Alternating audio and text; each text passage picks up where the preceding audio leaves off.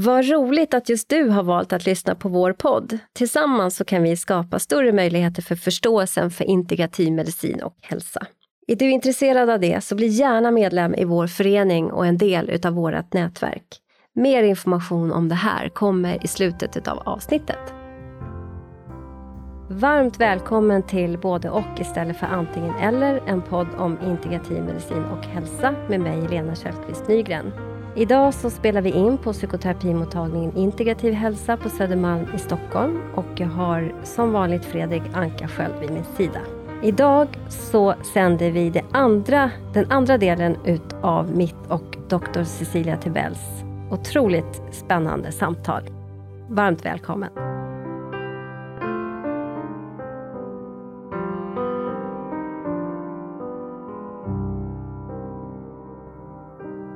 Och sen var ju han hos mig egentligen för den här endokrina utredningen så jag kunde inte jobba. Och det här var ju det här då tillbaka varför jag hamnade i min integrativ klinik. För då blev jag ju tvungen att släppa honom sen. Jag är liksom klar med det som var mitt uppdrag. Ja. Men det behöver du inte göra nu när du har en egen klinik. Nej, det här kan du hålla inte. i, i hela, hela behandlings... Alltså tills han är bra igen. Ja, jag kan följa honom. Jag kan prata med en sån som dig och säga, jag vet att jag tror att den här killen skulle ni behöva träffa. Och du kan sen återkoppla att nu har vi jobbat med det här. Det är ju en helt annat, annat sätt att, att möta människor Mm. när man får ta in hela personen i, eh, i rummet och att det inte bara blir ett problem man ska lösa. Precis, och då kommer vi till det du var inne på tvär, tvärvetenskapligt, vilket är någonting som vi som jobbar för inom föreningen och så jobbar vi också för det tvärprofessionella. Och jag tänker att när jag började inom psykiatrin på 90-talet, då satt man i tvärprofessionella sammanhang hela tiden. Vad har du sett? Då var det ju, då, och jag började inom psykiatrin som mentalskötare. Ja, men vad ser du på golvet? Eller i samtal eller så vidare kunde Mm. ansvariga läkare eller sjuksköterska och så vidare. Där satt vi och pratade tillsammans. Vad kan vi se? Vad kan vi förstå? Vad, därför att det behövs i alla sammanhang, oavsett om någon är somatiskt sjuk eller psykiskt sjuk. För, så behöver vi se helheten och vi visar olika sidor och vi förstår olika saker utifrån vad vi kommer med och så vidare. Och det är viktigt för att kunna hjälpa en människa vidare. Ja, och sen så tänker jag att det som vi gärna vill göra, det är att objektifiera sjukvården. Alltså vi vill objektivisera förhållandet till patienten och så här. Och jag hävdar och det bestämdaste att du får en mycket bättre resultat och compliance om du har en personlig relation med din patient. Alltid. Och det ser vi Och det handlar ju inte om att bli bästa vänner, det är ju inte så. Men det handlar om att man bygger en, rela- en hållbar relation där man skapar som behandlare, vare sig man är psykoterapeut eller doktor, en, ett, ett rum där den här personen kan känna sig trygg. Ja, så är det verkligen. Och det ser vi ju inom psykiatrin så börjar det bli allmänt vedertaget efter det har kommit de här stora studierna som visar att bortom alla metoder Ja, Så är det relationen med ja. Om vi inte gillar varandra i rummet, då kommer det aldrig bli ett beha- bra behandlingsutfall. Om vi gillar varandra i rummet så kommer det bli det, vad vi än egentligen håller på med, krasst. Sen ska vi ju hålla oss till det här med evidens och så vidare, men, men det, krasst så är det så att då blir det på något sätt man gör ju saker som man vet fungerar för patienten, såklart ska vi göra det. Men, men att det är inte, det spelar ingen roll om det är KBT eller PDT eller symboldrama eller relationella interventioner eller vad det är för någonting, utan Mm. det faller rätt bra ut därför att vi liksom som terapeut, patienten blir motiverad ur relationen. Vi är ändå så vi är, vi människor. Vi, det finns inget som motiverar oss mer än relationer. Och terapeuten är intresserad av att hjälpa sin patient också och använder då de metoder som finns till förfogande. Ja, och, och jag menar, det, det, jag tänkte, jag såg, det, fanns en, det finns en Netflix-serie som heter Afflicted, mystiska sjukdomar. Ja, den har jag faktiskt sett lite av. Ja, och jag vet att några, en av patienterna där upplever att han framställs som han bara har psykiska besvär har skrivit väldigt mycket protester mot det här. Och jag tittar inte på den här serien med sådana ögon, utan jag tittar mer än utifrån ett annat, kanske mera funktionsmedicinskt perspektiv. Och det är en utav patienterna i det här som man får följa, hon har blivit överkänslig mot i princip allt. Alltså hon tål inte textilier med färg, alltså det är material som inte fungerar, hon kan inte vistas, hon tål inte vara i samma rum som sin man och det som är rätt uppenbart för den som tittar på serien utanför är att hon älskar inte sin man. Hon vill inte ha honom i sin närhet. Eh, och jag tror att det egentligen kanske har varit en av grundproblematikerna till att hon faktiskt har blivit fysiskt sjuk. Hon har ju blivit fysiskt sjuk. Men hon har då träffar flera och jobbar med terapi. Så småningom så har hon träffat en, i det här fallet en doktor. Det hade precis lika gärna kunnat vara en naturopat eller för USA ett helt annat sjukvårdssystem. Där man har börjat jobba med helheten. Och så blir hon sakta bättre. Och så småningom ja, så får man ta del av ett besök när han säger, börjar titta på hennes händer och säger men titta hur din hy har blivit så mycket bättre och dina naglar. Du ser den där, det har ju försvunnit. Och, eh, om du nu tycker att du mår bättre nu, gissa hur bra du kommer må om fyra månader. Och sen så tar den här intervjun slut, eh, så att säga, besöket, och så frågar de honom och så säger de, men alltså det här du säger och så där, är inte det där placebo? Ja, hur menar du? Jo, jo, men du säger att hon ska må bra. Det kommer ju göra att hon mår bra. Ja, men absolut, säger han. Men, men placebo är jättebra medicin. Det är jättebra, har hög procentuellt eh, signifikans i, i ja, behandling. Alltså, jag använder det hela tiden. Placebo är otroligt kraftfullt. Det är ett viktigt instrument för mig som doktor. Och Jag tyckte det var så schysst att han sa det, så han bara bemötte det. Absolut, placeboeffekt. Det köper jag rakt av. Men det är en bra effekt. Det hjälper patienten. Är det inte det vi skulle göra? Exakt, för annars kanske vi hamnar i nocebo och det vill mm. vi ju inte, för då har vi en patient som det inte går att behandla överhuvudtaget för att man bara säger nej och absolut inte vill. Mm. Utan det är ju två stycken motsatser som, som man har med sig hela tiden i vad man än gör i behandling, faktiskt, som är viktigt att lyfta. Ja, jag tyckte, och det, det var en av de här behållningarna ifrån det och, och sen att se. Och så ser man, jag vet att jag satt med min man som inte är doktor, han bara, men, men den här killen, det är väl bara psyk. Det var en kille som hade äh, fått en diagnos, äh, då, nev, äh, Lyme disease och med massa koinfektioner. Men så genomgår han den här behandlingen och kommer ju tillbaka till att vara den killen han blev innan han var sjuk. Och, det, och så säger min man då, ja men det är väl bara för att han tror på det, men så säger jag, eller så har han ju faktiskt haft de här infektionerna. Vi måste ju våga lita på att det faktiskt är så. Han, hans upplevelse har ju varit att han är fysiskt sjuk. Ja, precis.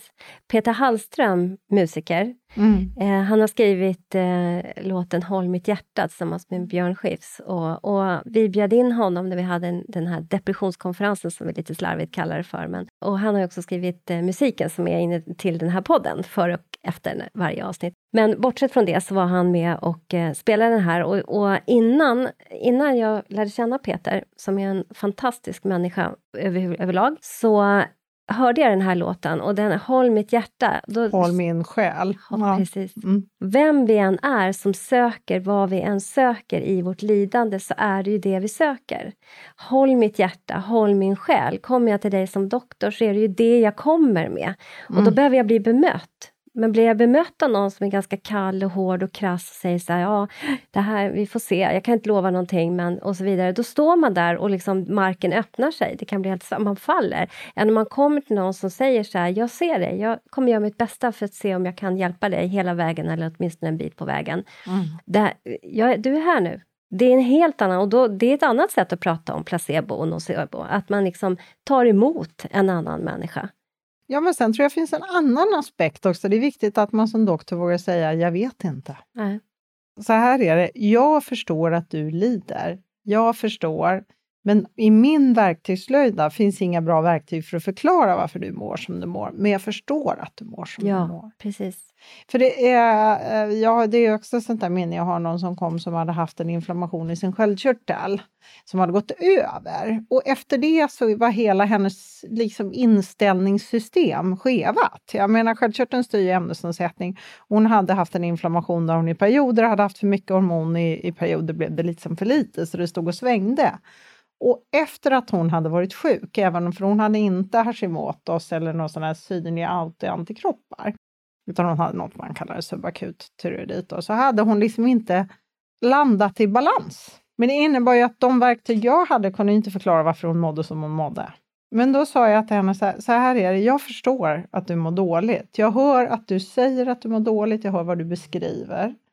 Jag har, ingen bra, jag har inga bra verktyg för att kunna förklara till dig varför du mår som du mår. Eh, om 20 år så kanske jag tycker att det här är en självklarhet och kan säga någonting helt annat för att våran vetenskap kommer förändras över tid. Men det, vi är ju här och nu och det du har att förhålla dig till då det är hur ska jag agera på att ingen kan förklara hur jag mår? Finns det sätt för mig som jag kan lära mig att leva med hur jag mår? För så är det. Alltså, vi kanske inte kan bota all smärta. Vi kan inte det. Nej. Men om jag som patient blir sedd och hörd och kan få verktyg att lära mig leva med det så kanske min smärta blir mer uthärdlig.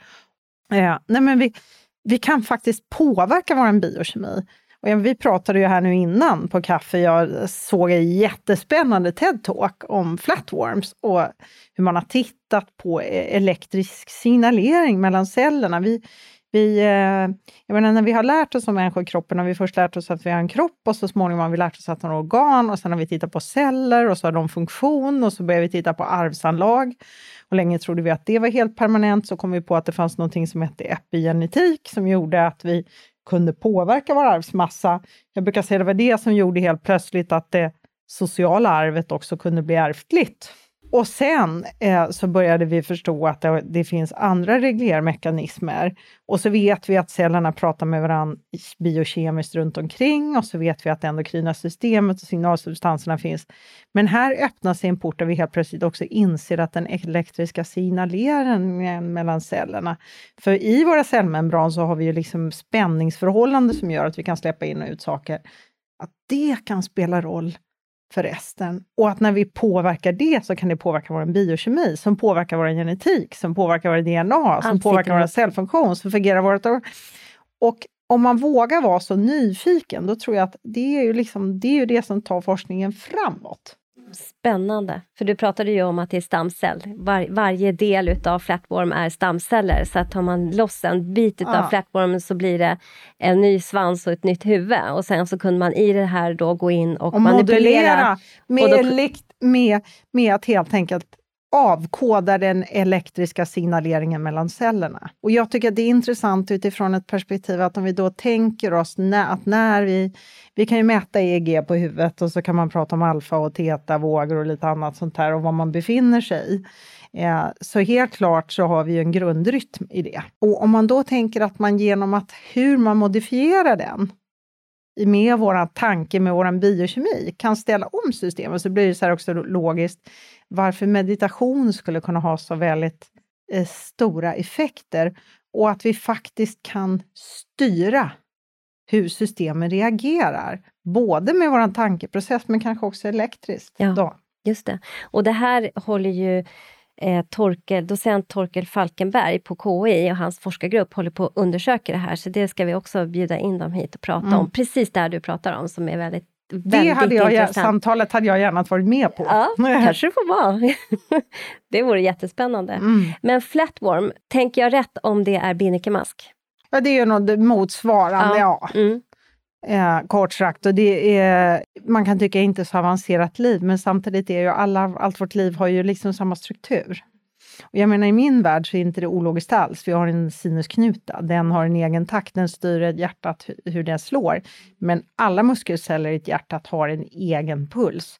Så när sinusknutan inte kan styras så tar den del av hjärtat eh, som är mest högljutt över för att den är så central och viktig, så har den flera system som mm. dockar in liksom när det behövs. Ja, då har verkligen... sinusknutan, navelnoden, hissbunt och så. När vi får kammarflimmer så är det vänsterkammaren som är muskelceller som helt plötsligt har fått lite spel. Just det.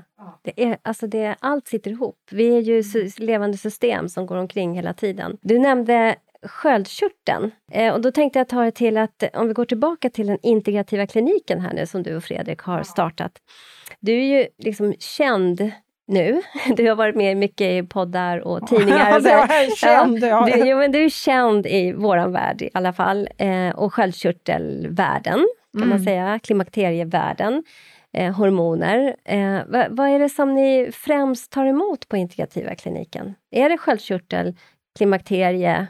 Ehm, Alltså jag skulle väl säga att eh, den största gruppen är ju kvinnor, så att säga i min ålder då, plus minus 10 år. Eh, eller till och med plus minus 20 år. Eh, så är det och en väldigt stor grupp har sköldkörtel. Men det som har börjat dyka upp väldigt mycket är ju också patienter med långtidscovid. Mm. Eh, och jag har lite ME-patienter och det är ju så att sköld, som sköldkörtelsjukdomen debuterar ju ganska ofta när folk befinner sig kanske i en utmattning eller att man har blivit nedstämd. Eh, I vissa fall eh, då feltolkade som sköldkörtelpatienter har jag fått. Folk som har tillfälligt svängningar i sin sköldkörtelaxel. Som om man hade tagit hand om problemet så hade de aldrig fått en sköldkörteldiagnos. Oj, den är intressant. Eh, ja, så att, att den största gruppen är ju kvinnor. Det är en stor grupp som har just sköldkörtel eller kan man säga förklimakterie, klimakteriediagnos. Där har jag ju försökt få hitta samarbete med gynekologer. För även om jag kan jobba med hormoner till viss del eller hormonell balans så, så är det ju så att eh, ska man hålla på med, med, med hormoner som har med våra äggstockar och, och så att göra så tycker jag att då ska man ha träffat en gynekolog mm. i alla fall någon mm. gång på vägen och mm. man ska kolla upp en sån behandling. Men, så och, eftersöker du det? En integrativ gynekolog ja, till din mottagning? Ja, jag har hittat en men hon tänkte mm. gå i pension. Mm, okay. eh, Hilde Lindqvist har du ja. säkert hört talas ja, om, eh, som ju är en fantastisk patientfokuserad. Apropå sådana här doktorer som jag inspirerar. Kerstin Bristman nämner det, hon är en annan, en annan doktor, en mera lite krass sort, eh, men så otroligt kliniskt kompetent doktor som hette Dan Andersson och väl, väldigt länge var tillförordnad verksamhetschef på medicinkliniken på Södersjukhuset. Och han var väldigt spännande att ronda med, för han kunde gå fram och ta en patient och så säger han den här människan har ingen bra lever, det måste vi kolla. Alltså han hade en sån fingerspitzgefühl för saker.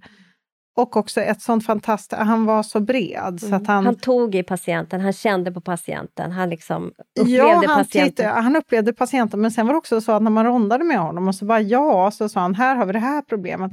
Sen fick man lite miniföreläsning. Mm. Eh, så jag lärde mig så mycket. Eh, så. Och sådana människor, det finns en annan psykiatriker faktiskt som har gett mig stor inspiration, det är Tom Palmstierna. Mm -hmm. Aldrig hört talas om honom. Tom Palmstierna jobbar inom beroendepsykiatrin. Han hamnade på tapeterna för att han tjänade så mycket pengar ett år. Han hade hela tjänat då hela en och en halv miljon kronor tror jag. Det som inte framgick var att han var konstant jour varenda dygn under ett års tid i princip. Och att det var därför han hade fått så hög lön. Eh, han klev in eh, på, när jag läste Beroende, gör man en av de sista terminerna, gjorde man då, med en vit krita och en svart tavla. Och så sa han, nu ska jag berätta om beroende. Och sen pratade han i en och en halv timme och ritade på tavlan. Och jag har, alltså det var, jag tog med mig så mycket kunskaper från den enda föreläsningen. Faktiskt. Wow, vad intressant. Den hade jag velat varit med på. Ja, men för han knöt ihop. Jag lärde mig så mycket om beroende och, och liksom hur det fungerar. Eh, och han, liksom, bara hur han beskrev, jag, bland annat då det här hur man går på nucleus accumbens som är en hjärnkärna ju, eh, och som är en del av belöningssystemet. Och hur man, narkomanerna hittar vägar dit. Men till exempel att amfetaministen som börjar behöva ta så mycket amfetamin så att han får tjacknoja, då lägger till Sanor eller Ictorivil mm, eller något sånt valiumliknande preparat. Därför att då slipper han tjacknoja för han behöver inte ta så mycket amfetamin, för tillsammans så gör de en snabbare och bättre väg in. Och så sa han, och det var ju en av förklaringarna till varför man hittar så få rena narkomaner så att säga, som bara håller på med ett preparat i dag, dagens... Intressant. Ja. För att han sa, nej men det är väl klart att man vill inte ha tjacknoja om man är amfetaminist och då måste man hitta vägar dit och då hittar man på kombinationer. Och sen är det ju tyvärr så att sen kommer man till sjukvården och så får man saker utskrivet och sen så lär man sig det också. Det är ju en annan baksida. Men, men, men när folk är så där, jag blir så inspirerad. Kunniga, intresserade, han har ju verkligen mm. brinner, alltså där, där någon brinner för det som man liksom vill lära sig mer om och lära ut om. Mm. Jag tänker när jag lyssnade på dig eh, på Klimakteriepodden, men jag vet inte riktigt, men vad jag lyssnade på någonstans, om det var där eller någon annanstans där du också har en intress alltså intresserad öppenhet för att ja men okej, hela den här patientgruppen som inte mår bra på vanlig Levaxin, alltså en vanlig tyreoidea-behandling, hypotyreosbehandling, som behöver annat, att du är villig att vara med i de diskussionerna. Jag vet att andra endokrinologer eh, kanske inte vill det, utan nej men det här är det som är evidens och det är det vi använder och det finns så mycket och det finns de som säger att de inte liksom mår bra på det, fast det tror vi inte på, typ. Där ja, är och inte då, du. är, och då, då, då har vi ett problem. Ja. Varför litar vi inte på våra patienter? Varför, Varför det? är det patienten säger mera fel? Mm, än vad en forskningsstudie där borta Ja, säger. och, och det är inte så många som är gjorda om vi nu ska vara helt ärliga. Och det är ju så här att fram tills de läkemedelsbolagen, om vi nu pratar om NDT som är torkad svinsköldkörtel, eh, det var, ju den första, det var ju den första behandlingen som har funnits för sköldkörtelsjukdom.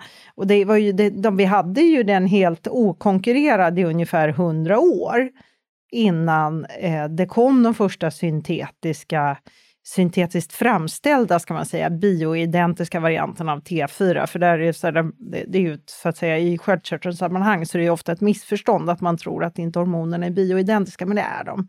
Men det är syntetiskt framställt.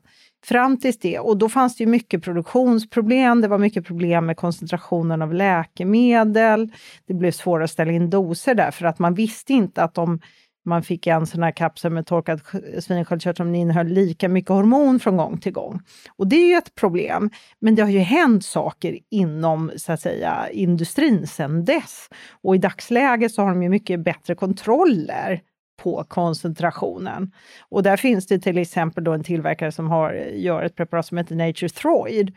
När de märkte att de fick problem med konsten, då drog de in hela sin och så pausade de. De gick ut till alla och sa vi kan inte leverera just nu för vi ser att vi har ett problem i produktionen. Så. Men de här läkemedelsbolagen, att de inte finns i FASS, att de är på licens, det är ju inte för att de inte funkade. Det är inte för att det var så mycket biverkningar på dem. Det är för att de läkemedelsbolagen valde att inte betala in de pengarna för det ska finnas och gå att förskriva i Sverige. Mm. Och jag menar, vi har ett läkemedelsverk som är delvis, nu kommer jag vara lite provocerande, men vi har ett läkemedelsverk som betalas av läkemedelsindustrin. Hur galet är det? Att vi har en statlig myndighet som till stora delar betalas av läkemedelsindustrin. Alltså Det är på ett den. problem, apropå system, det är ett Det är ju ett massivt system. Ja, Det är ju byggt för att det systemet ska kunna bli korrumperat. Mm. precis. För det borde för mig vara helt självklart att Läkemedelsverket ska ha noll influens av läkemedelsindustrin. Ta den här post eller covid-debatten nu med vaccinationerna. Vi har ett, två vacciner som framställs på ett sätt som vi har gjort i 50 års tid. Det vill säga, vi kan den här metodiken, Vi vi vet vet, det är. ungefär baksidorna av den. Och sen har vi någon slags RNA-experiment som pågår. Eh, och det kanske är bra. Det är Mm. mycket möjligt Mm. att det är Ja, visst. jättebra Men vi vet inte vaccination, men vi vet inte. Nej. Ingen ifrågasätter varför AstraZeneca blir så trakasserad i medierna. Och ingen, och till och med svenskan publicerar prislappen på vaccinationerna. När jag såg den så är jag så här, okej, I get it. 36 kronor för att få fullgott skydd med AstraZeneca och 244 för att använda Pfizers. Det är ju helt självklart att detta är mediapåverkan, Mm, tycker jag, i Ja, min ja, värld. Ja. Och, och vi har vaccinerat i princip hela Storbritannien utan att få så katastrofala siffror med en erkänd metod som är mycket billigare. är det AstraZeneca som man Ja, använder? Mm. ja. Mm. För i Storbritannien valde man det Mm. eftersom det är ett brittiskt bolag numera. Det var svenskt en gång i tiden, men det är ett brittiskt bolag, så de har ju valt sin inhemska variant. Eh, och när man väl börjar titta på biverkningssiffrorna så är det inga stora skillnader. Det är ingen som tittar på Pfizers dödsfall i USA eller någonting, utan man, man låter läkemedelsbolagen styra debatten och det är ju helt förfärligt. Det är helt jag. förfärligt. Och då är inte bara det att läkemedelsindustrin eh, subventionerar Läkemedelsverket, det är också så att läkemedelsbolagen är ju Eh, alltså, privata vinstdrivande företag med enorma pengar. Inte att säga nu att de inte gör bra saker och så, men det, det i sig är också ett problem att de är vinstdrivande privata företag. Jag tycker att de borde vara statligt Eh, alltså att staten borde äga läkemedelsbolagen för att man också ska få bort det här med att man faktiskt, liksom, apropå media, att man då får media till, man kan betala för sin reklam för vad man nu vill få in, till exempel Pfizer. Att det blir en mediapåverkan utav att man helt enkelt betalar för sin reklam som i sin tur sen också, också Mm. s- subventionerar läkemedel eller betalar själva Läkemedelsverket. Det, det, alltihopa är som gjort för Nej, men korruption. ser man hela mediastormen runt covid-19 så är det ju så att media har ju styrt jättemycket, restriktioner eller inte restriktioner, eh, behandlingar och så vidare, eh, på ett sätt som de inte borde få göra. Tycker mm. jag. Absolut. Om man färgar, mm. färgar folks inställning medialt. Så. Nej, men så då, just om man ska hoppa tillbaka till NDT så är det ju så att det här, det, jag tror det finns, nu läste jag faktiskt i någon gammal artikel att det kanske finns två biverkningsrapporter anmälda på NDT sedan 70-talet, typ. Eh, det finns hur mycket som helst på just Levaxin som är det vanligaste T4-preparatet. Och, och, och då är det så här, då, då är jag tillbaka till den här, då, då måste vi doktorer ställa oss frågan varför då? Och eh, det är ju klart att vi har ju endokrinologer rent generellt haft en liten inneboende osäkerhet att använda oss utav en, en grispreparat, att stoppa gris i mig. Det finns ju helt enkelt den galna kosjukan och det finns Jakob Creutzfeldt syndrom. Och det finns tyvärr så att man på 70-talet ur eh, mänskliga hypofyser urvann tillväxthormon och gav till barn med tillväxthormonbrist och så fick de den här sjukdomen. Ah. Och det är en, en, så att säga, hjärn, en, en cefalit, vi kallar en hjärninflammation som man inte hade förväntat sig. Så det är klart att man, det, jag tycker att man ska kunna ifrågasätta och vara skeptisk och säga. Absolut. Men man kan samtidigt säga att just den här torkade svinsköldkörteln har ju då använts Hundra år innan. Slut, slut. Det är ju inte så att den är oanvänd. Det är inte så att det inte finns beprövad erfarenhet utav den. Nej, utan man kan ju säga, och då måste man, tycker jag, då tycker jag att då måste man, och jag ska ju ärligt erkänna att jag har ju vänt i den här frågan. Mm. Jag har tänkt annorlunda förut, men så ett så hade jag en kompis som har tagit bort halva sköldkörteln och som gick i ett år utan att det kollades upp och sen eh, och stod, eh, inte klarade av att äta Levaxin. Hon fick en fruktansvärd hjärtklappning så fort hon försökte trappa in dosen. Så att hon till och med sa att Nej, men nu slutar jag ta sköldkörtelmedicin. För att det var så obehagligt med den här hjärtklappningen, ja. hjärtrusningen. Mm. Ja, och sen träffade hon eh, Gunilla Saupe i Järfälla och så satte hon in och det var vändningen för henne mm. i hennes mående. Mm. Det blev en stor skillnad jag trodde ju inte riktigt på det där, förstår För jag tänkte hormon som hormon och det är ju samma hormon, för som sagt det är bioidentiska hormoner vi pratar om. Men sen hade jag en sjuksköterska som jag jobbade med som hade, och som vi helt enkelt gick igenom. Eh, liksom, och så sa hon, jag skulle så gärna, det var den första licensen jag skrev, jag skulle så gärna vilja ändå få pröva det. Jag har hört om så många som så mår så mycket bättre. Och då gjorde jag en licensansökan på Armor och då var det först att hon, för hon hade fått väldigt mycket, hon hade Levaxin och så hade fått pröva en tablett som hette Evturox. Hon hade fått pröva att lägga till en eh, då, vi har ju två hormoner eh, eh, i ja. våra verksamma hormoner, T4 och T3.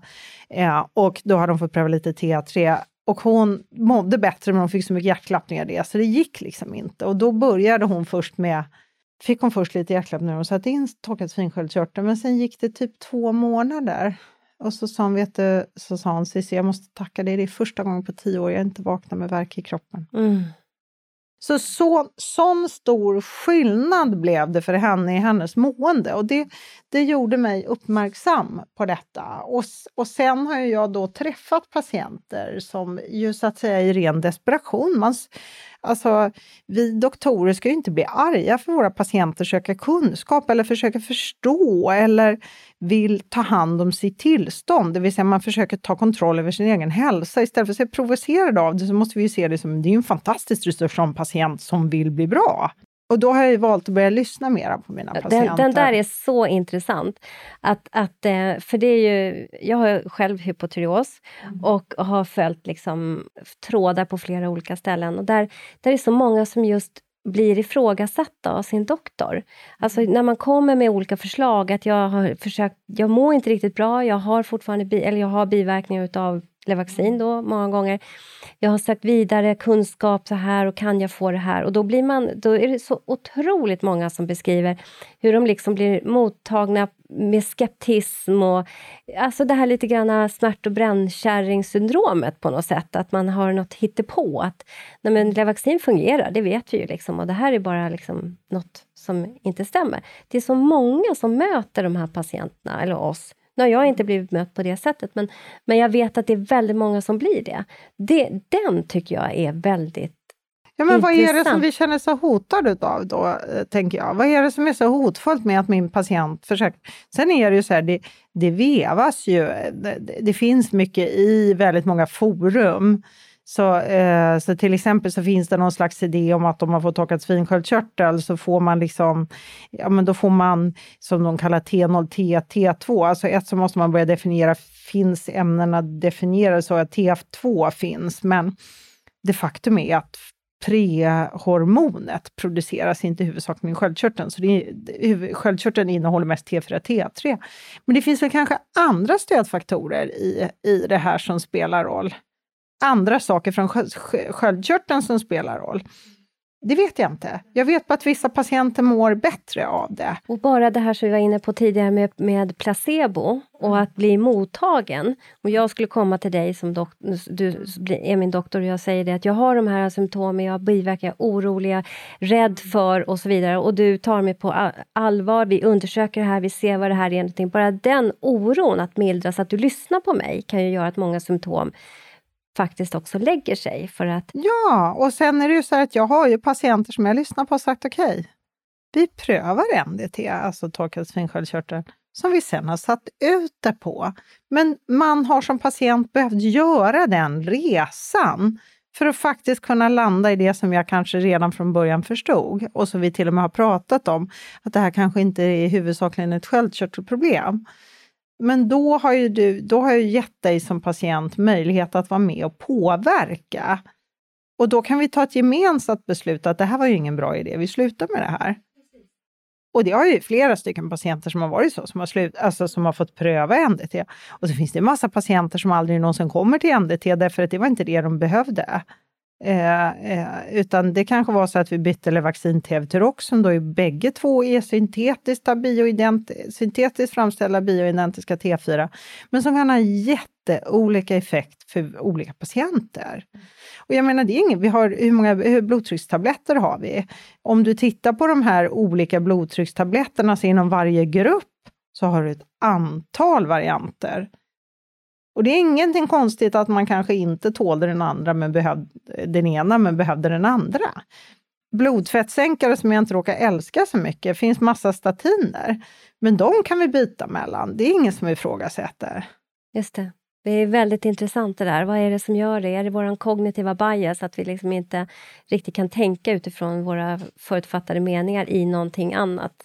Är det det som gör att vi liksom sitter där i våra Nej, men då, då tänker jag just med NDT, istället för att fråga sig varför då? Varför är det så att det är vissa patienter som verkligen... Och jag menar, jag kan ju mäta det. Jag kan mäta det på deras underutsfett, jag kan mäta det på vätskan i systemet, jag kan se det på inflammationssystemet, jag kan se det på blodtryck, temp. Eh, och vi pratar kan... rent dosmässigt om samma doser och deras blodprover ser ungefär likadana ut. Men patienten går därifrån och säger, men jag mår så mycket bättre nu har jag gått ner 6 kilo. Så varför är det sånt motstånd? Ja. Varför, är det, varför är det så omöjligt? Nej, men, liksom? och det, det, då, jag, eh, och min, mitt uppriktiga svar är att jag vet ju inte och jag, jag förstår inte det. Jag förstår då sådana som kör sin Brismar som tycker att vi vet inte vad vi stoppar in när det är en gris. Det är kanske något konstigt virus där som kan ställa till. Jag kan förstå den rädslan och så kan jag förstå att hon har suttit och då hållit på eh, vad ska vi säga, veva med de här olika doserna utav det här då väldigt dososäkra eh, svinsköldkörtel preparatet. Det kan jag förstå. Men jag förstår inte varför man är så kategorisk. Nej. Och varför man inte då säger så här, okej, okay, är det så att det finns någonting i den här patientgruppen som vi borde uppmärksamma? Är det några andra värden som ser annorlunda ut som gör att det blir så här? Eller tillbaka till varför då? Mm. Verkligen. Jag jobbar väldigt mycket likadant som du gör, fast inom min profession som psykoterapeut. Och där är det kanske också mer eh, brukligt att man gör det. Varför då? Ställer varför då? Varför mår du så här? När man kommer till mig i en terapeutisk behandling. Mm. ja, säga... eller Asperger som är en annan diagnos som folk mm. får till höger och vänster nu. Jag menar, då har vi ju ett samhällsproblem. Om 10% av befolkningen har ADHD så är det faktiskt definitionsmässigt inte en diagnos längre. Vad är det då? Då är det en normalvariant. Mm, just det. Då kommer vi till Anders Hansen och hur han ser på det här med eh, hur, ADHD till exempel. Nu pratar du om Asperger och autism, men, men eh, att det faktiskt är någonting utav, som vi är. vissa människor ska vara de som är mer på, har koll, eh, ser, uppmärksammar, är på liksom alerta på ett annat sätt. Andra kanske är tänkare. Om ja, men alltså, vad jag menar, är 10 mm. av befolkningen som har det, så är det de facto ingen diagnos. Och varför är ingen så? Jag, du vet, jag blir så här, det, det är ju ingen diagnos då. Diagnos är ju någonting, då är det ju samhället som har ett problem om det inte kan ta hand om en normalvariant av befolkningen. Och, där, och inte den gruppen som är ett problem, utan då är det ju samhället. Precis. Och, och om vi då syr ihop det tillbaka till det vi började prata om med att vara nyfiken och vad kanske covid-19 kommer kunna ge oss i form av mm. att förstå någonting mer.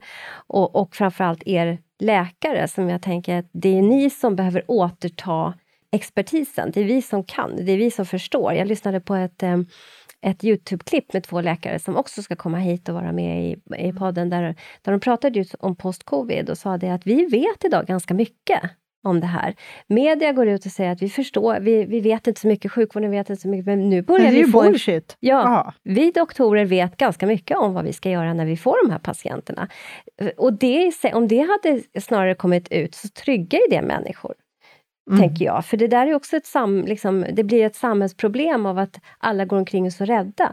För när vi går rädda, då åker immunförsvaret ner i fotknölarna och så, så, kanske vi blir mer sjuka eller så upplever vi det där trycket över bröstet som mycket, mycket värre och vi får en panikångest och åker in och belastar sjukvården. Det är mycket bättre att trygga befolkningen att nu har vi doktorer, vi börjar få koll på det här. Ja, men det har ju också blivit, det är ju sån här, för mig, eh, liksom eh, huvud, hål i huvudet resonemang också. Eh, vi pratade om det. Jag har då haft covid, jag låg i tre veckor. Jag tog, var med i den här första stormen innan vi riktigt hade någon koll än, så det bara välde folk från Järvafältet till vår akutmottagning. Jag stod utomhus utan riktig skyddsutrustning och tog med oss en massa patienter så fick jag covid. Jag har haft antikroppar hela året efter det, har fortfarande antikroppar rimligen, så om jag har haft en så pass, jag låg i tre veckor, uttalad infektion och har ett tydligt antikroppssvar fortfarande, så har jag en immunitet mot det. Och jag menar, hade det här hetat röda hund så hade jag haft en livslång immunitet mot det.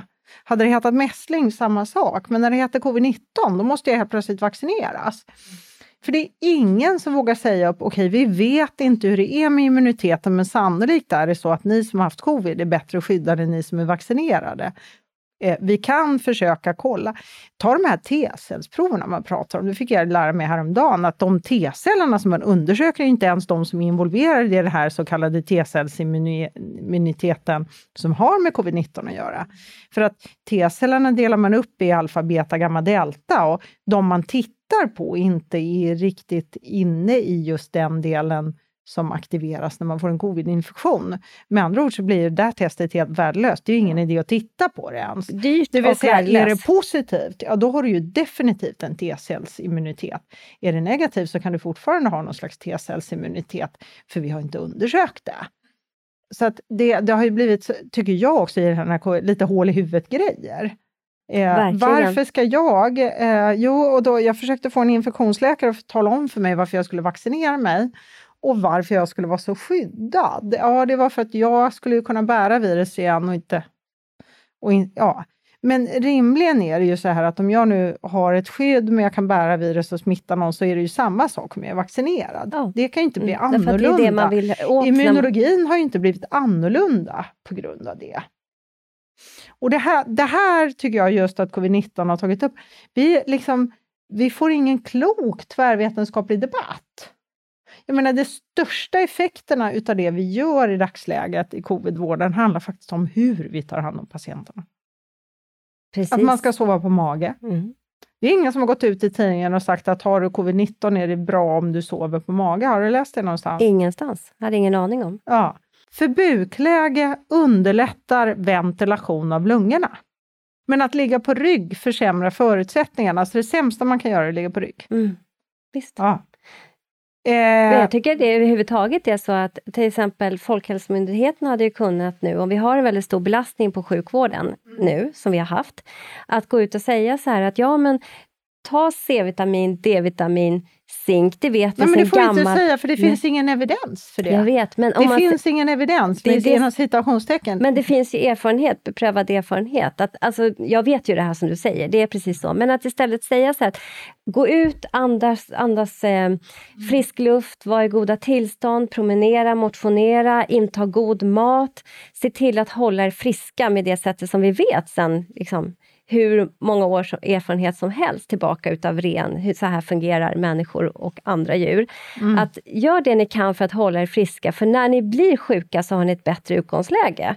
För så brukar det se ut vid sjukdom. Och då kanske ni inte behöver åka in och belasta sjukvården. Istället för att göra människor så himla rädda, de är inlåsta, de är karantänade. Man kan ju vara karantänad fast utomhus på sin, och andas Ja, men det är ju nästa grej. Det blir ju jättegalet. I dagsläget så går folk runt med ansiktsmask i friska luften. Ja, eller Ja, kör alltså- bil själv med ansiktsmask i bilen. Ja, för Det är att också- sen ta av sig den när de ska prata med någon Ja. som de står så här nära. Det blir ju jättetokigt. Det är jättetokigt. Det, man har slutat tänka. Nej, men det är det jag menar, det sunda förnuftet. Det där. Och då är det så här, ta D-vitamin. Jag ville titta på D-vitamin på mina patienter, som var, eh, för jag har ju då jobbat med svårt sjuka covid-patienter, inte IVA med snäppet under kan man säga. Vi, vi stoppar inte en tub i halsen och det är vissa läkemedel som vi inte kan ge. Men annars då i den så kallade intermediärvården så kan man ju säga, ute i landet skulle det många gånger klassas som IVA. Och en del av det IVA vi har gjort har varit exakt samma. Eh, men jag vill kolla D-vitaminnivåer. Nej, det är inte vetenskap. Men här i våras så gav man hydroklorokin och Acitromax i kombination. Out of the blue. För det hade man läst lite om någonstans på internationella forum och skulle pröva.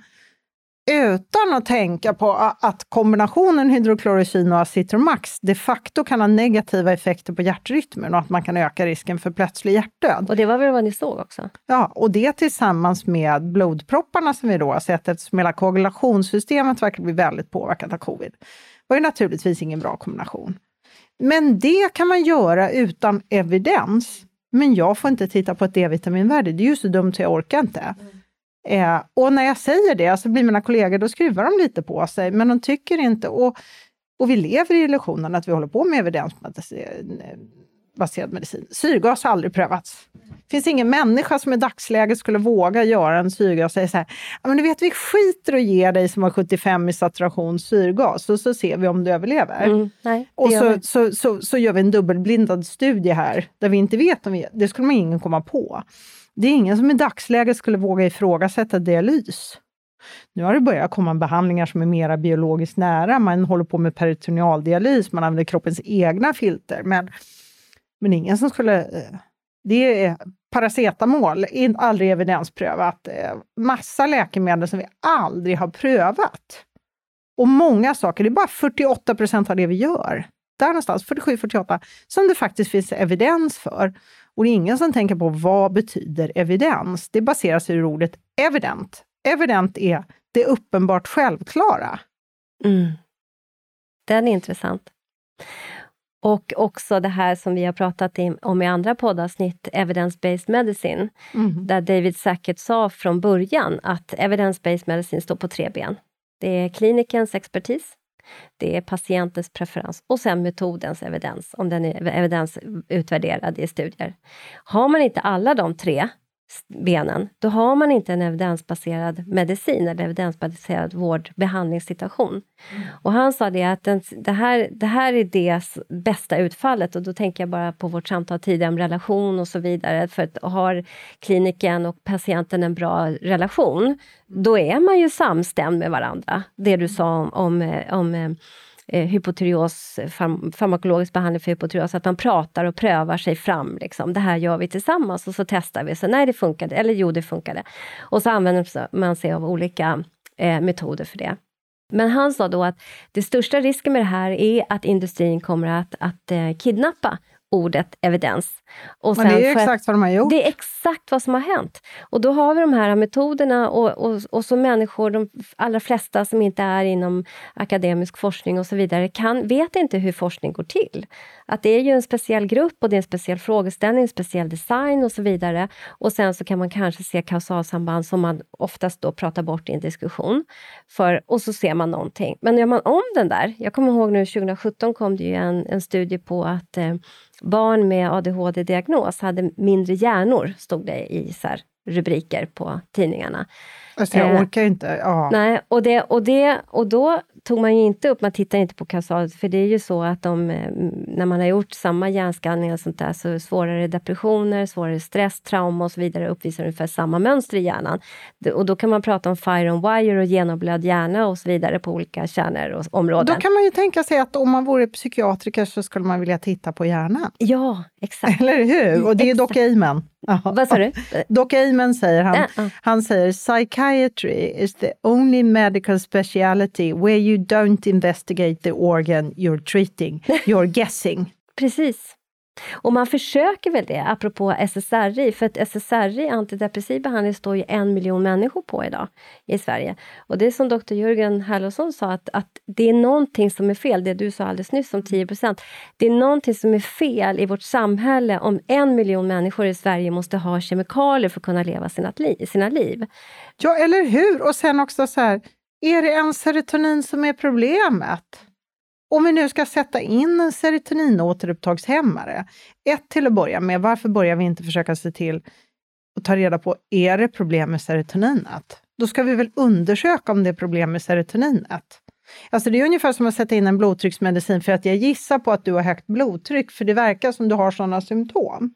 Det är ju ingen som skulle köpa det. Utan jag hade fått kolla ditt blodtryck ett antal gånger för att sen ta ställning till en blodtrycksmedicin. Här så ska du helt plötsligt börja behandla någon baserat på att nu har du en Madras-score eller PSQ-9 som säger en viss summa. Men vi, vi analyserar inte, ett, verkar det vara brist på, på serotonin eller kan det vara så att man har eh, för lite dopamin? Hur, på vilket sätt är man deprimerad? Finns det andra näringsbrister som påverkar? Har man lågt järn?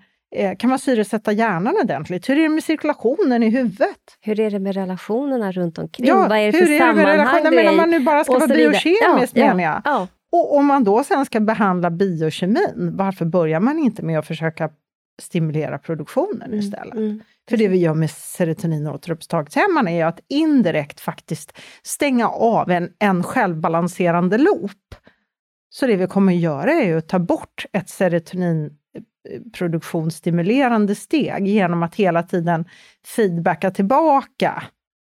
Ja. Och då blir resultatet att när vi sen försöker ta bort medicinen så mår man dåligt igen. Därför att hjärn, alla våra system söker balans. Mm, och som du säger, om vi börjar med, hur ser det ut runt omkring? Finns det stödsystem? Har du relationer som du känner dig trygg i? Eller inte. Kan det vara det inte. som är och som stressar och som gör att vi har pumpat kortisol och adrenalin under lång tid och ja. kanske har liksom ett sånt. Och, så, och där, där kommer vi tillbaka till också vad föreningen står för. För vi, vi står ju också för att försöka eh, liksom, folkbilda av att kropp och knopp hör ihop. Liksom. Ja, De det är påverkar varandra. Inte har det, det, här är inte, alltså, det är så tramsigt. Jag brukar säga är det hjärnan som mår dåligt eller är det kroppen som mår dåligt? Precis. När vi har låga serotoninnivåer blir vi smärtkänsligare. Vi fryser mer, vårt blodtryck blir svårare, så vi kan bli mer yrösade. Serotonin styr, vår mage är helt kaukafoni. En mage som mår skitdåligt kommer ju stå och skrika till nervsystemet, hej jag mår dåligt, hej jag mår dåligt, hej jag mår dåligt, hej jag mår dåligt. Ja, då mår jag ju dåligt. Ja, såklart. Och att Precis. vi inte vill förstå att kroppen dessutom skickar mycket mer kommunikation in till hjärnan än tvärtom om. Precis, exakt så. Det var någon som sa så här att Eh, det kommer jag faktiskt inte ihåg det, men att man skulle kunna, eller det finns indicier som skulle kunna säga att våra, vi är liksom en utväxt, apropå mm. the flatworm, vi är en utväxt av vårt tarmsystem, att det är egentligen det grund... Och sen det är liksom vårt första allt nervsystem, det ja. var första hjärnan, Precis. det var första intelligens. Mm, exakt, och hur viktigt är inte det då? Och, och där vi då liksom, ja, helt enkelt eh, inte kopplar ihop kropp och knopp. Det, ja, det är idioti. Grej. Hjärnan tar inte slut här. Hjärnan fortsätter ända ner i stortån, för du har nervtrådar som går ner ända ner i stortån. Och att då tro att den inte skulle vara med och påverka den här uppe, centralstationen, det är ju dumt tycker jag. Vagus, kunskapen om vagusnerven som går ut i vartenda organ och, som, och så vidare. och så vidare. Det, ja, det om där- du då får en hjärtklappning, så är hjärtklappning associerat med känslan ångest. Så du får en hjärtklappning, då får du ångest. Och så säger vi det var ångest. Istället för att fundera på varför fick du hjärtklappning? Så att, eh, det, och sen, jag, jag var ju då på den här fantastiska, nu gör jag reklam för den, eh, och vi måste ju åka till Atlanta, eh, Integrative Medicine Mental Health. Och det jag älskar med den är att den sammanbinder neurologin och psykiatrin och kropp och själ och sinne. Så att man jobbar med helheten. Man ser att, att, eh, att eh, systemen hänger ihop. Eh, så. Eh, och när man då inser att det finns så mycket bra integrativ ortomolekylär eh, forskning gjord just inom ditt område, där man har sett att vad B-vitaminer i höga doser kan göra för psykospatienter. När jag, när jag fick, det var en doktor som heter James Greenblatt som har varit ordförande och ju- har ju verkat mycket i just eh, ortomolekylär eh, medicinska föreningen i USA och så där. De har liksom lyft upp det när han föreläser om en forskare som heter Hoffers, hans forskning kring B-vitaminer i höga doser på schizofrenipatienter. Och man inser att med höga doser B3 och B6 tillsammans med C-vitamin och i vissa fall med eh, B5 kan få 50% av psykossjukdomarna att gå i regress och att man minskar återinläggningen för psykossjukdom med 50% Då undrar jag ju, hur i hell, förlåt nu Sverige, kommer det sig att vi inte gör detta inom psykiatrin? Ja, Hur kan vi inte göra det först? Precis, det är ju det som Jenny, eh, det, det, vi har ju tack och lov läkare som du och andra som börjar lyfta det här och som börjar verka på egna kliniker, apropå integrativa kliniker. För du gör ju det här. Kommer en person och söker för det här så gör ju du det här. Eh, men sen har vi ju vår fantastiska dietist här också, Jenny Levin, som jobbar med, hon har också varit på flera av de här eh, nutritionspsykiatrikonferenserna då i London bland annat och USA. Eh, för, för att förstå hur påverkar kosten, för att vi kan ju få det då via kost, kosttillskott men också via kosten. Som det här börjar komma mer och mer, så att det här är ju, och vi är ju så hopplöst bakom i Sverige. Och Ja, det, absolut. Fruktansvärt. Och vi är så otroligt ovilliga att ta in ny information utomlands ifrån. För naturligtvis, vi kan påverka med vad vi äter. Men jag menar, det intressanta med just de här B-vitaminerna är att när man sedan har tittat på schizofreniforskning och tittar på hur hjärnan hos en psykospatient omsätter B-vitaminer och sådär, så är ju hastigheten på det så hög så man behöver fylla på så himla mycket.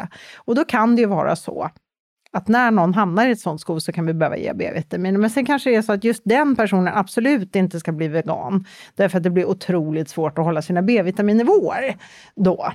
Och så är det ju typiskt när folk mår dåligt, när man mår psykiskt dåligt, vad händer då? Ja, då börjar man äta ensidigt, tråkigt, man prioriterar bort så många utav de rör här... inte, man liksom, Ja. och så vidare. Och, så vidare. Mm. Och tar du då psykospatienten så faller de, de hamnar ju ofta i en isolering, de handlar, alla de här så kallade negativa symptomen, att man isolerar sig, att man är, det är ingen som bryter ens tankemönster, det är ingen som ser till att man håller sin hygien, man kan äta sin Bullens pilsnerkorv varenda dag. Och när man sen har fått behandling så är det ingen som ser till att det där fungerar tillräckligt heller. Nej. Precis, för att man... Och jag tänker att det är det som vi är. Vi är i våra liksom, förutfattade meningar, våra presuppositioner hela tiden, där vi inte... Och vi är ju så gjorda människor. Vi är i våra kognitiva bias. Vi lever i våra paradigm tills någon kommer och säger så här, nej men jorden är rund, den är rund, den är rund och vi hör det från olika håll och så till slut bryter det här igenom. Och, och jag tänker att det här ser vi ju väldigt mycket, men jag, när ändå, apropå att försöka lyfta liksom positiva saker, du tog det här med ME när det gäller covid, att vi kommer börja bli tvungna, för att jag tänker att det här är inte den sista pandemin som kommer. Nej, men det har vi haft. Du kan gå tillbaka till 1320. Mm. Var hundrade år har vi haft en stor pandemi över världen som har slaktat en stor del av, en, av jordens befolkning. Och vi är inte färdiga med covid, vi kommer hålla på med det ett tag till. Och när folk för det, det är ju så mycket konspirationsteorier och det är Bill Gates, jag vet inte alls vad jag läser. Jag menar, för två år sedan så vet jag att jag pratade med min man och så sa jag, undrar när vi får nästa stora pandemi, det borde vara dags nu. Då kom den. Och så kom den. Mm. Och då kan man ju säga att då skulle man kunna tänka att jag då är konspiratoriskt lagt har tagit fram något slags virus någonstans. Nej, men alltså mm. naturen, vi är ju som råttor och kackerlackor och duvor. Va? Vi är alldeles för många, vi äter för mycket av jordens resurser, så det är klart att naturen kommer försöka slå tillbaks. Det är klart att naturen kommer reagera, det är ett ekosystem som försöker balansera sig. Exakt. Så att ingen kan ju vara förvånad över en pandemi. Nej. Men jag tror som du säger, vi, vi kan lära. Vi får, får lära oss av den. Och på något sätt komma tillbaka till de sokratiska samtalen. I, inom föreningen så håller vi högt då de här sokratiska, vi försöker återinföra det sokratiska samtalet, har gjort det på våra olika eh, seminarier och sånt där, där vi för upp olika liksom, heta ämnen. Och då har vi de här att Sokrates själv sa att ett, man ska tala utifrån egen övertygelse och inte upprepa vad andra sagt.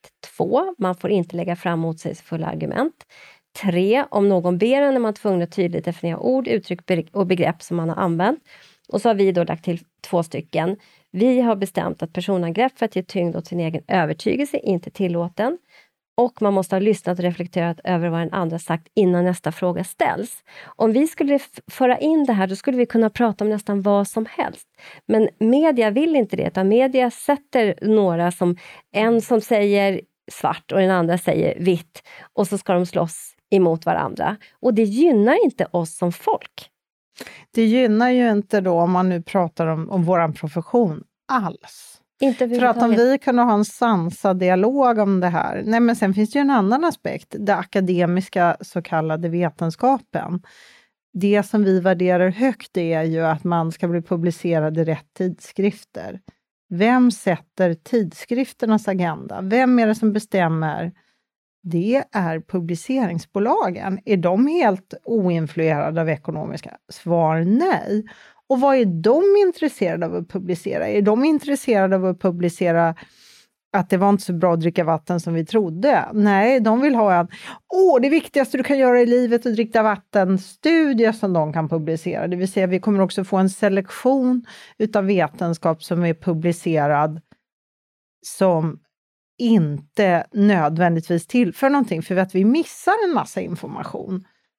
Eh, så eh, även, så, även så negativa måste... studier och även samtal där vi kommer fram till att det här problemet kan vi inte lösa, fyller ju en funktion. Ja, verkligen. Och jag tycker att det borde vara så självklart att om vi kommer fram till att okej, okay, du med din kunskap och du med det vi kan inte lösa den här gåtan, vi går härifrån med ett par frågor istället, men då har vi ju någonting som vi kan ta in i nästa samtal. Verkligen. Och Det är det som gör att vi, kunskapen utvecklas hela tiden. Och vi behöver också tänka och reflektera däremellan för att kunna återkomma du och ta det vidare.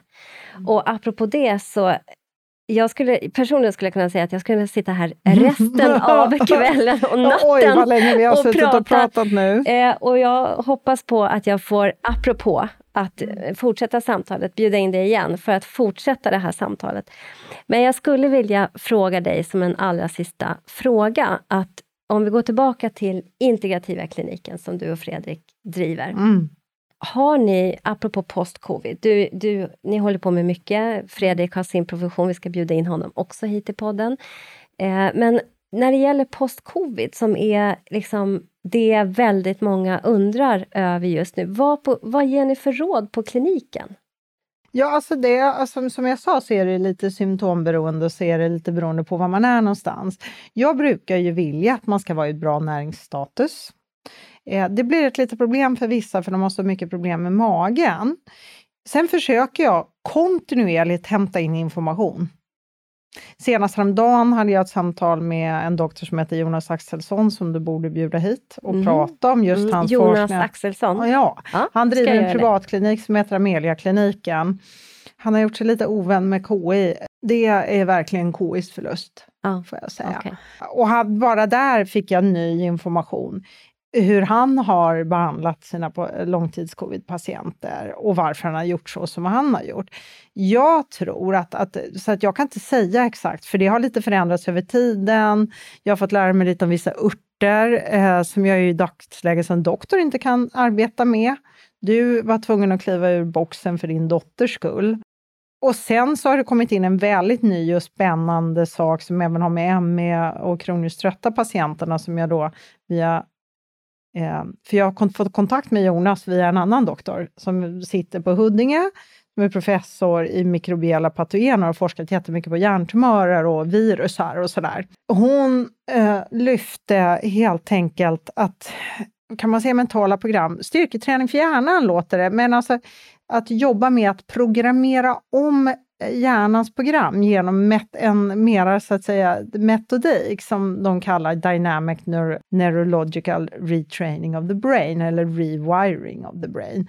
Och om man då tänker att en del av problematiken i att få ett sånt här långtidssyndrom är att kroppen har hamnat fel i sin biokemisk, biokemi, eh, så den kan inte balansera klockan rätt. Och att vi både med våra, faktiskt med våra känslor har kopplat vissa system som gör att det fortsätter att bli fel. Och att man då genom, kan man säga, tankens kraft eh, delvis och med saker man gör kan påverka den här programmeringsfelet i hjärnan. Så att hjärnan kan programmera rätt och så att säga reda ut sin biokemi och därmed ta tillbaka kraften att till exempel göra sig av med en infektion. Och det är jättespännande och det hon beskriver, den forskningen har gjort att jag känner att det här måste ju alla mina patienter få pröva i alla fall. kommer säkert inte funka på 100% men de det funkar på kommer ju ha ett nytt verktyg till sitt mående. Verkligen. Så, det... Så alltså där är en, tycker jag, väldigt intressant aspekt. Men sen, vi, vi jobbar ju på att, helt enkelt att optimera eh, immunsystemet så mycket som det går med bland annat D-vitamin. Zink därför att det hämmar virusreplikation. Eh, och eh, jag tror ju, eh, precis som Jonas gör, att jag tror att viruset är kvar men gömmer sig lite för oss. Sen är det också så att när vi har drivit in vårt immunsystem i en kronisk inflammationsloop så kan det vara svårt att få den att bryta det. Så då kan man så att säga jobba genom att titta på vad är det som stimulerar vissa delar av immunförsvaret och vad är det som stimulerar andra. Så att just nu tar jag en onlinekurs i immunologi. Jag har köpt mig kursböcker därför att jag har insett att för att jag ska kunna bli en bättre doktor så måste jag lära mig mer. Så att eh, summa summarum så är det helt enkelt så att för, det blir nästan så att för varje gång jag, och för varje besök så, så gör vi någonting nytt. Och jag försöker ta in det nya i ett samtal med patienten. Och du jobbar då personcentrerande? Absolut. Vilket är ju också en integrativ behand, alltså ett integrativt eh, eh, behandlingsförfarande. Ja, så, men jag menar det, man kan ha ett grundrecept på en omelett, men du kan tweaka den på många sätt. Du kan krydda den med, med gräslök och du kan helt plötsligt göra en skinkomelett eller en svampomelett. Alltså, man har en, ett grundprotokoll, men sen får man liksom anpassa det efter patienten och patientens behov och hur sjuka de är och så vidare. Så med det sagt så eh, man, lider man av, av post-covid mm. eh, och inte kommer till bukt med det så får man gärna söka till integrativa kliniken. Ja, men det är väl klart att man får. Ja. Cecilia Tibell, stort, stort varmt tack för det här fantastiska samtalet. och, att, och jag hoppas verkligen att vi kan fortsätta det. Ja, absolut. Men det vet du att vi ska. Det ska ja. vi göra. Ja. Tack. Tack för att jag fick vara med.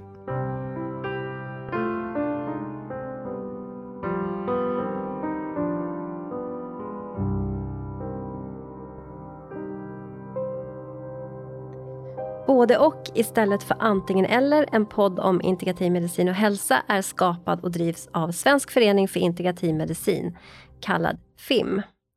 FIM är ursprungligen en yrkesförening för legitimerad vårdpersonal som vill arbeta för integrativ medicin och hälsa i Sverige. Vi representerar sjuksköterskor, dietister, fysioterapeuter, läkare, psykoterapeuter, psykologer, tandläkare, för att nämna några, och idag omfattas också våra medlemmar av associerade medlemmar som inte behöver vara legitimerade. Föreningens arbete vilar mot den vetenskapliga grund för integrativ medicin och hälsa som finns, såväl svensk som internationell, och på systemisk förståelse av människan i sin miljö. Vår förenings arbetssätt har hittills varit att arrangera konferenser, seminarier och folkbilda genom att sprida information via sociala medier. Vårt senaste tillskott är denna podd. Vår strävan inom integrativ medicin är att vara en organisation som vågar lyfta och ifrågasätta, motverka polariseringar genom tvärvetenskapliga dialoger och sokratiska samtalsregler.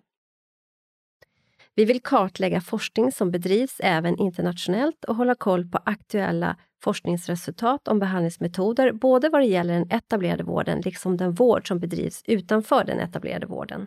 Sokratiska samtalsregler innefattas i den sokratiska samtalsformen som egentligen all grundläggande kunskap är sprungen ur, men som ibland till och med lyser med sin frånvaro i dagens public service.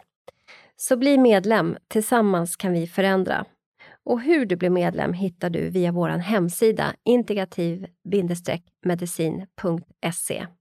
Vi ses och hörs i nästa avsnitt.